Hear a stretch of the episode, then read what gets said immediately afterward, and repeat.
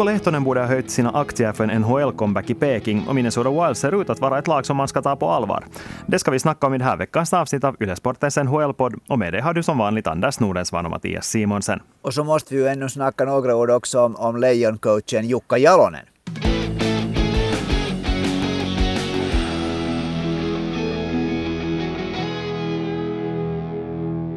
Och Mattias, hej, före vi börjar riktigt diskutera dagens ämne så måste jag bara få koppla tillbaka till förra veckans eh, avsnitt där det de sista orden var att, att jag hoppas att du får referera ett OS-brons och Kristoffer Herberts får referera ett OS-guld så jag hoppas att ni insåg vem ni får tacka för det här. ja, verkligen. Det gick ju helt så. Det, det var ju fantastiskt roligt ändå att det slutade på det sättet. Förstås skulle man ha hoppats att damlinjen skulle gått längre än bara till bronsmatchen, men nu är det ju fortfarande så att Kanada och USA är några steg före.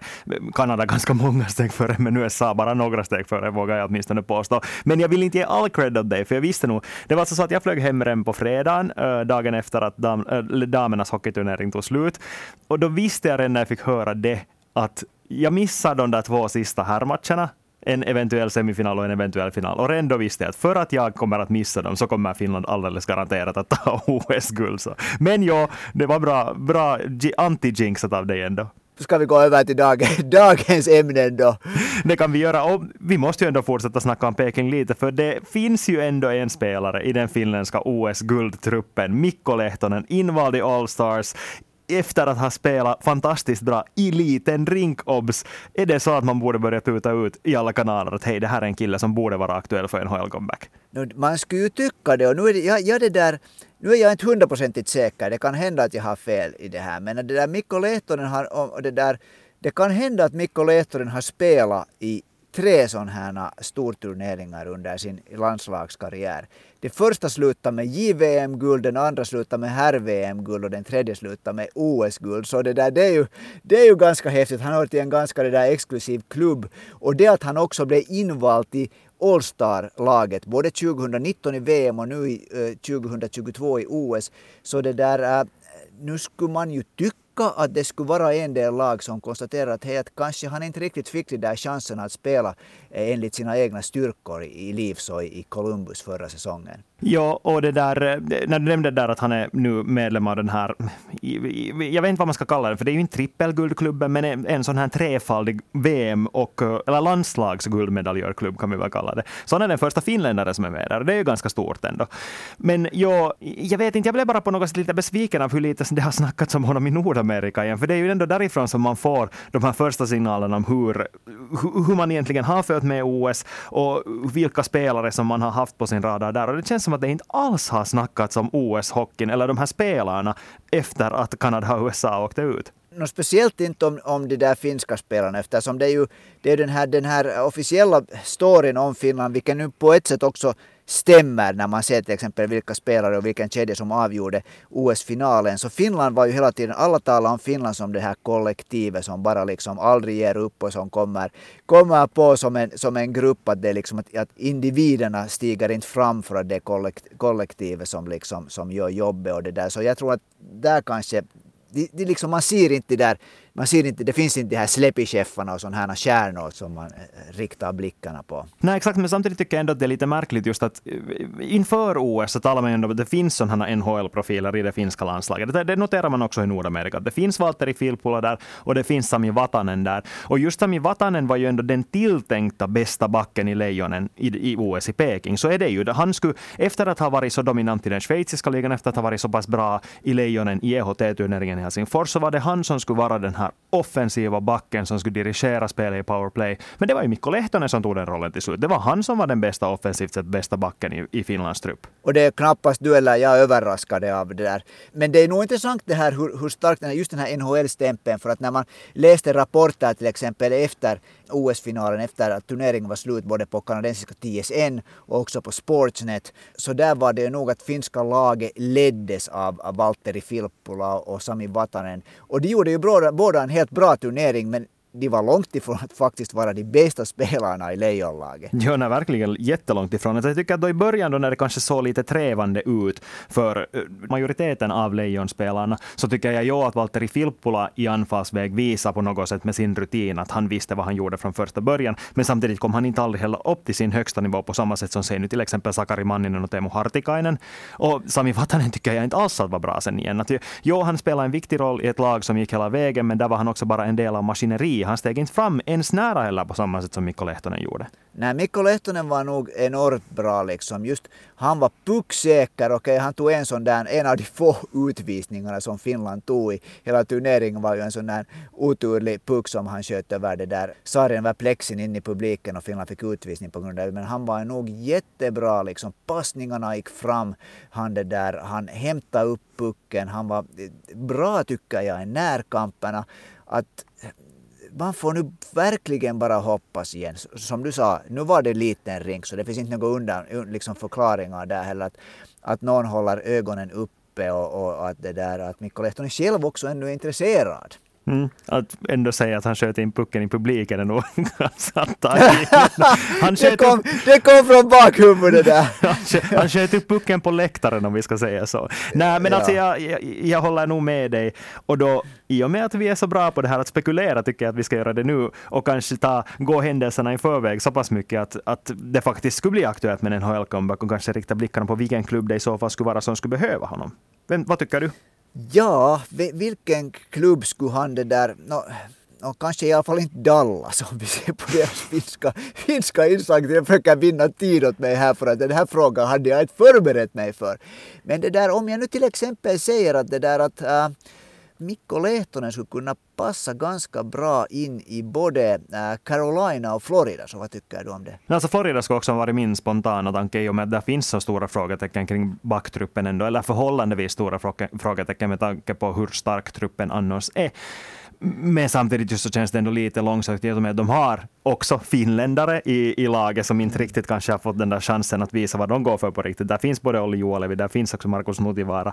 Att, jag vet inte, alltså Florida känns ändå kanske lite långsökt och då skulle man kanske istället titta på en annan trupp som skulle vilja ha en förstärkning men som ändå har eh, Ska vi säga så att, att man inte behöver slänga in honom i en jättestor roll genast, men att han, det skulle finnas utrymme att ta. Och då börjar jag tänka på New York Rangers. Ja, alltså det, det är sant.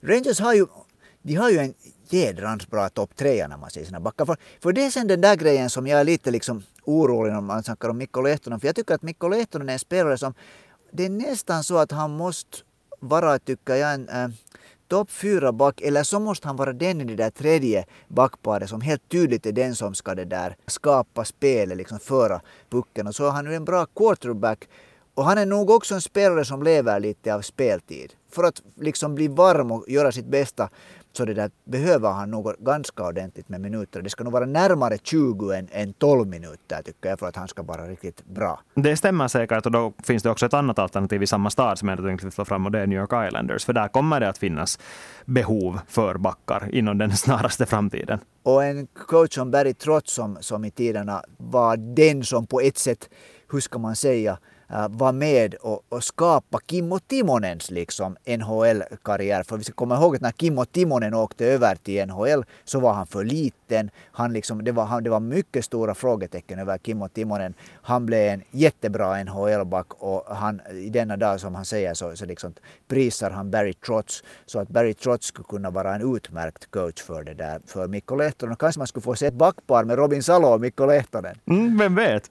Men hej, det finns ju också en annan person som du redan nämnde här som när vi introducerade det här avsnittet som vi måste snacka om här och eventuellt platsa i någon klubb i NHL och det är ju Jukka Jalonen. Ja, det var det där förra, förra veckan förde vi ju en diskussion om det här och nu blev det ju ganska roligt det här att det där efter, efter finalen så nu är den här äh, svenska äh, hockeypersonligheten med det otroligt lättstavade namnet Simon Zenberg. Man ser antagligen Simon Zenberg har jag för mig som är, som är chef för europeiska serieklubbarnas förbund, vad det nu sen egentligen för, betyder. Jag måste medge att jag var inte helt insatt att det fanns en sån förening för jag, läste, för jag läste det här. Men han kom i alla fall ut med en tweet här efter finalen där han sa att om jag nu skulle äga en NHL-lag som skulle finnas där i mittskiktet med mycket vilja och, och vi liksom har fastnat där i mitten så tycker jag att det skulle vara idiotiskt att inte anställa Jukka Jalonen. Mm. Och det här är ju någonting som väckte reaktioner också. TSNs Gord Miller kommenterar ju det här och lyfter fram att ja, det finns mycket som talar för Jalonen i och med att han har den, det CV som han har i landslaget. Men samtidigt så finns det frågetecken också. Nu är det här sådana frågetecken som jag inte skriver under, om, som, som jag lyfter bara fram dem för att jag tycker att det är väldigt talande att just Gord Miller som är NHL-insatt lyfter fram dem. Och det också säger ganska mycket om hur man ser på Jalonen i Nordamerika i allmänhet. Och det är största frågetecknen var de, ett, han har inte erfarenhet av att träna i Nordamerika och två, han är inte jättebra på engelska. Ja, alltså, liksom helt, jag vet på riktigt, TSN, han, han är ju en, en auktoritet liksom inom hockeyvärlden, den här Gordon Miller. Han jobbar för TSN som är äh, det stora mediehuset som bland annat äger rättigheterna till JVM och det är väl också de som televiserar, har jag för mig, eh, äh, herr-VM till Kanada att han tar fram en sån här grej att, om att Jukka Jalonen inte är tillräckligt bra på engelska för att coacha i NHL. Så det jag vet hur man ska hur man 2022 ska liksom, liksom ställa sig till det. För det första så har ju Jukka Jalonen faktiskt tränat som yrkestränare redan för över 20 år sedan i England, i Newcastle. I och för sig så vet jag inte om, om Newcastle engelska kan, kan det där beskrivas som engelska, men i alla fall det var väl engelska de snackade där. Om man ser på Premier League, när vi som England, världens kanske högst uppskattade idrotts, sportliga, bollsportsliga, alla kategorier. Så hur många engelskspråkiga coacher finns där? Mm.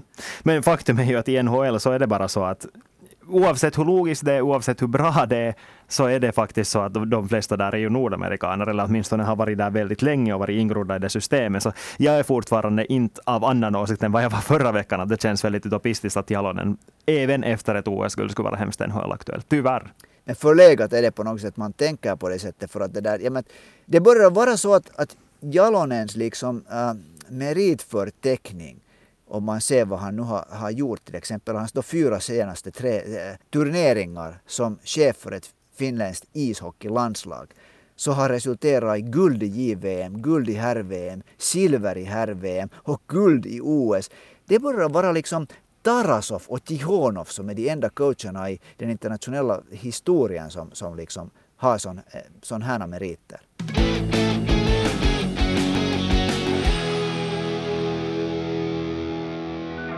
På tal om OS så noterar jag en lite rolig anekdot här. Minnesota Wilds målvakt Kaapo Kähkönen berättade i en intervju att uh, han hade försökt slå vad om OS-finalen tillsammans med lagkamraten Kirill Kaprizov om vem som skulle vinna den, men det hade tydligen inte gått vägen för Kaprizov hade inte haft värst stor tillit till det ryska laget. Ja, det var en orsak.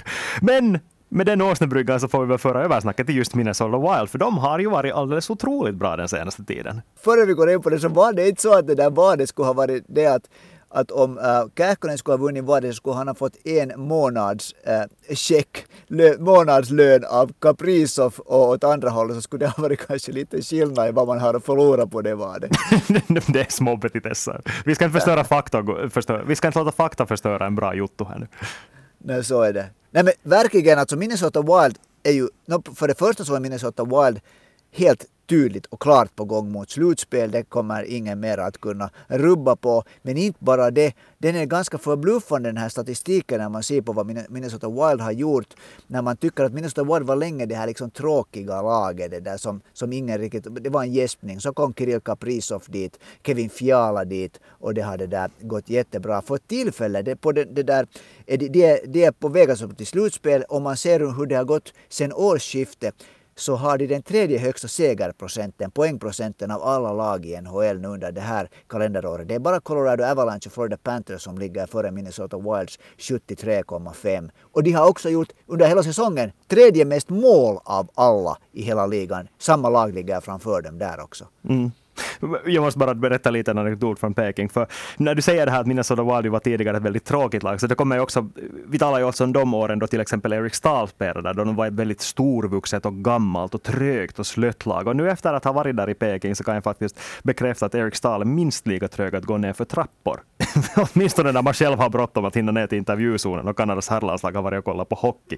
Och att försöka ta, ta sig förbi en så stor bjässe är inte heller världens lättaste uppgift. Nej. Men du skuffar väl honom åt sidan?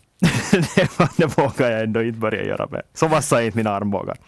Nej men alltså helt som du säger, det här är ju ett Wild som har på något sätt vuxit fram ur det tomma intet känns det nästan lite som. För att ännu för några år sedan så var de helt utanför kartan. De var ett, ett lag som var mitt inne i en rebuild, ett lag som man inte riktigt hade någon uppfattning om. Och på något sätt har just det där att Kaprizov kom dit ändå kickstartat den här omstarten, den här nya form toppen på ett alldeles otroligt sätt. Kirill the Thrill som han kallas, kallas där. Det, det, det är många som säger att han är den, han är den första äh, spelaren i, i, Minnesota Wild som är värd att betala biljett, biljett det där summan för sen, sen det där Marian Gaborik spelar där. Det där.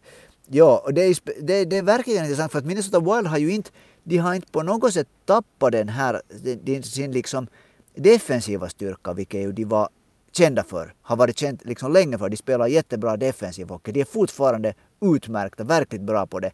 Men det där, men det att de faktiskt, man måste, jag måste läsa tre gånger det där, när jag såg att, att det är så att Minnesota Wild har skjutit tredje mest mål i hela ligan. Och bara de här offensiva supermaskinerna, Colorado och Florida har skjutit fler mål. Nu är det ju ännu också lite under radarn.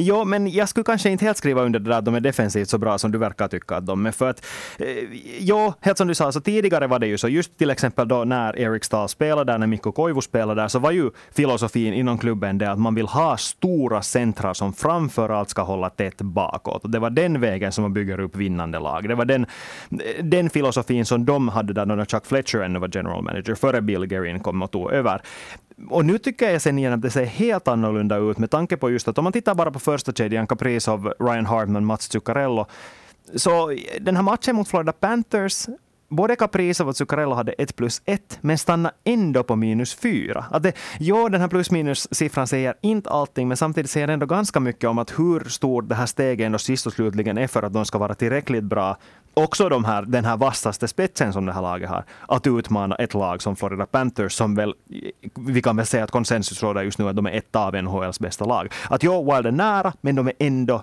en bit ifrån. Men ändå det här, just den här defensiva, så ja, inte, liksom, inte den här samma liksom, snålhockeyn, tråkhockeyn, men ändå idag så är det så att av, av ligans 32 lag så är Minnesota Wild 13 när det gäller goals against. Det är det där på delad 13 plats med, med, eller på delad 12 plats med St. Louis. Men faktiskt lite före Carolina Hurricanes som jag tror att alla tycker är ett, ett lag som försvarar väldigt bra. Så det där, det att de offensivt är så där superbra så nu har de åtminstone ännu en fungerande defensiv om vi säger på det viset. Jo, men samtidigt måste man också komma ihåg att det finns skillnader mellan de här olika divisionerna. Det är inte Ska vi säga så, Minnesota Wild spelar till exempel många matcher mot Arizona Coyotes den här säsongen. Att det ja, finns, liksom, det det finns ja, det jättedåliga lag i den där divisionen som gör att den där siffran inte alltid är helt 100% korrekt. Och därför tycker jag hellre att, eller jag gillar mer att kolla på de här matcherna som de spelar mot andra topplag. Och där tycker jag helt enkelt inte att Minnesota åtminstone ännu ser ut som ett lag som kommer att utmana om, om de här liksom riktigt framskjutna positionerna i sitt slutspel. Nej, no, de kommer ju att, det där om man tänker att de kommer då från, från det där um, Central vidare till, till slutspelet.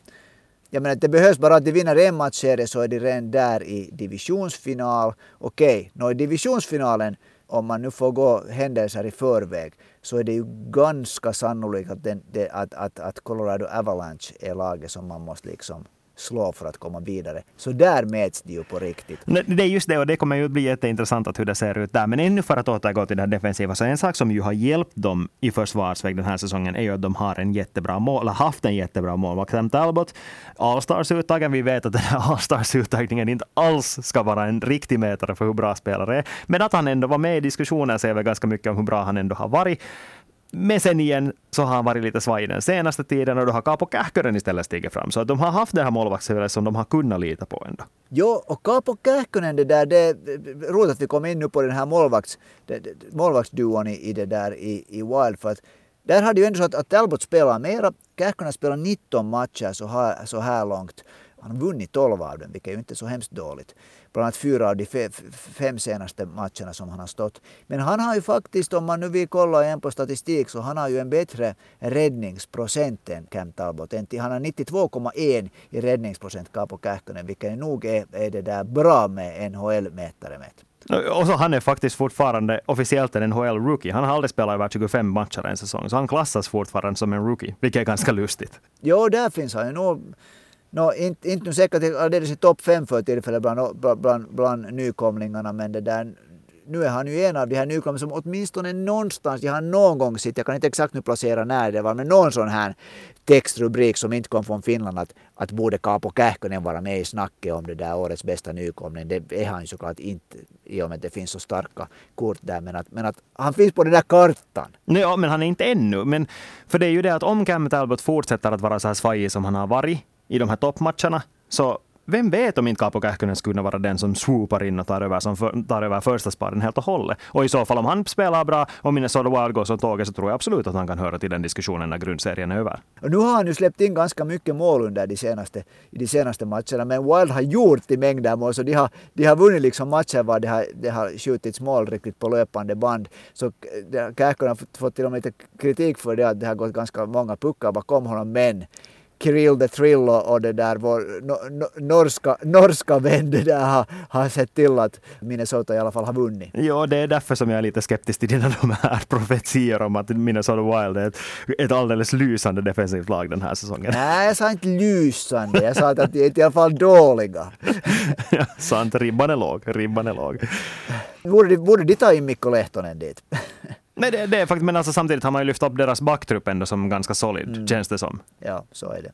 Men på tal om sådana sta roliga statistiknoteringar om Minnesota Wild så var det en som jag tyckte faktiskt var ganska otrolig för dem den här säsongen och det är faktiskt att de har gjort fler mål än de har släppt in med tomt mål och det är inte vanligt i en toppliga som NHL. De har gjort 13 mål där de har spelat i 6 mot 5 och bara släppt in 10 baklängesmål. Så betyder det då att de är våldsamt bra på att hålla i pucken eller på att de har, de har det där ligans bästa blockerare? Eller att de bara helt enkelt känner sig mer bekväma att anfalla när det inte ens finns någon målvakt där mellan stolparna. Och så finns det ännu en möjlighet, att de har haft tur. det är också möjligt. Men om vi ska tippa här nu igen, som vi alltid gör, så vad, vad tror vi om Minnesota Wild den här säsongen? Divisionsfinal, det, det tror jag. Om vi, om vi, alltså, liksom, för det är ju klart att de kommer till slutspel. Mm. Så divisionsfinal, det, det tippar jag på. Jo, jag tror också att de kommer att sluta tvåa i Central. Det ser ganska klart ut redan nu att de ser ut att göra det. Trots att de bara leder med en poäng före St. Louis Blues så har St. Louis spelat två matcher fler och Minnesotas den här poängprocenten är bättre. Så jag tror att de slutar två. Det skulle då eventuellt kunna innebära till och med att de möter St. Louis Blues i den första omgången och det skulle vara en ganska intressant matchup att följa just i och med att det är ju den första då av två meter för Minnesota Wild. Att lyckas de slå ett lag i en serie där de egentligen är förhandsfavoriter, men motståndarna är jätte, jättetuffa. Och då skulle de sen efter det ställas mot Colorado Avalanche, som jag tror att skulle bevisa att de inte är ännu nära att utmana de här riktigt, riktigt bra lagen. Sen å andra sidan tycker jag att Minnesota Wild är ett sånt där lag som det där kan vara lite av en någon sorts mardröm just för Colorado Avalanche för det där. Det är ju liksom lite också som, som den här, någon sa, nu är det dåligt, då, en dålig jämförelse just den här säsongen, men det är lite liksom New York Islanders väst, att de är liksom hemskt svår, svåra att spela emot. Och det där, eh, en matchserie, bäst av sju och sen plötsligt har man en jättehet Kaapo Kähkönen i mål. Jag tycker det är på något sätt någonting som skulle kunna bli en riktigt, riktigt bra matchserie. Jag, jag hoppas personligen att få se den matchserien, måste jag säga. Ja, det skulle vara jättekul. Och samtidigt så verkar det ju nu redan komma signaler från Minnesota Wild att det är ett lag som vet vad deras styrka är och att deras styrka just uttryckligen är det där att de har så otroligt bra lagkemi just nu. För Bill Guerin sa i en intervju med The Athletic att, att det, det just den där kemin är någonting som han absolut inte vill rubba på när Wild nu igen går in till en trade deadline som köpare och att de egentligen bara är ute efter utfyllnadsspelare. Så det säger ganska mycket om den attityden som de har där just nu och att de faktiskt kan bli ganska jobbiga att möta. Vi måste lyfta hatten för Bill Guerin. Han har gjort ett jättebra arbete sen han kom och tog över som GM där. Och sen eh, lyfter man Dean Everson, eh, coachen, som ju var en sån här riktigt tuffis liksom, en sån här, det där under, under sin NHL-tid. Och han ser ju ut, han ser ut som han skulle spela i någon sån amerikansk film, en sån här äh, kriminell boss. Men han tycks vara enormt bra på att, att få laget att känna sig liksom bra och ha en, en, en bra känsla och liksom att, att antagligen så det där Shane bedrar, han är säkert en, en bra kille att ha att göra med. Men samtidigt så har han ju också visat tendenser av att ha lite så här, ska vi säga, förmågan att sätta ner foten. För till exempel det här skickar Viktor Rask till AHL, en snubbe som tjänar fyra miljoner i säsongen. Det är ju nog en, en signal åt spelarna om någonting. No, det har du rätt i. Ja. Och så, så är det ju alltid. Det är ju alltid så att, att alla tränare det är omöjligt i en sån där, i en sån där liga var, var resultatet är det enda som gäller. Så det där. Och alla tränare, det, ingen kan ju undvika att ha favoriter och sådana spelare som man inte litar på.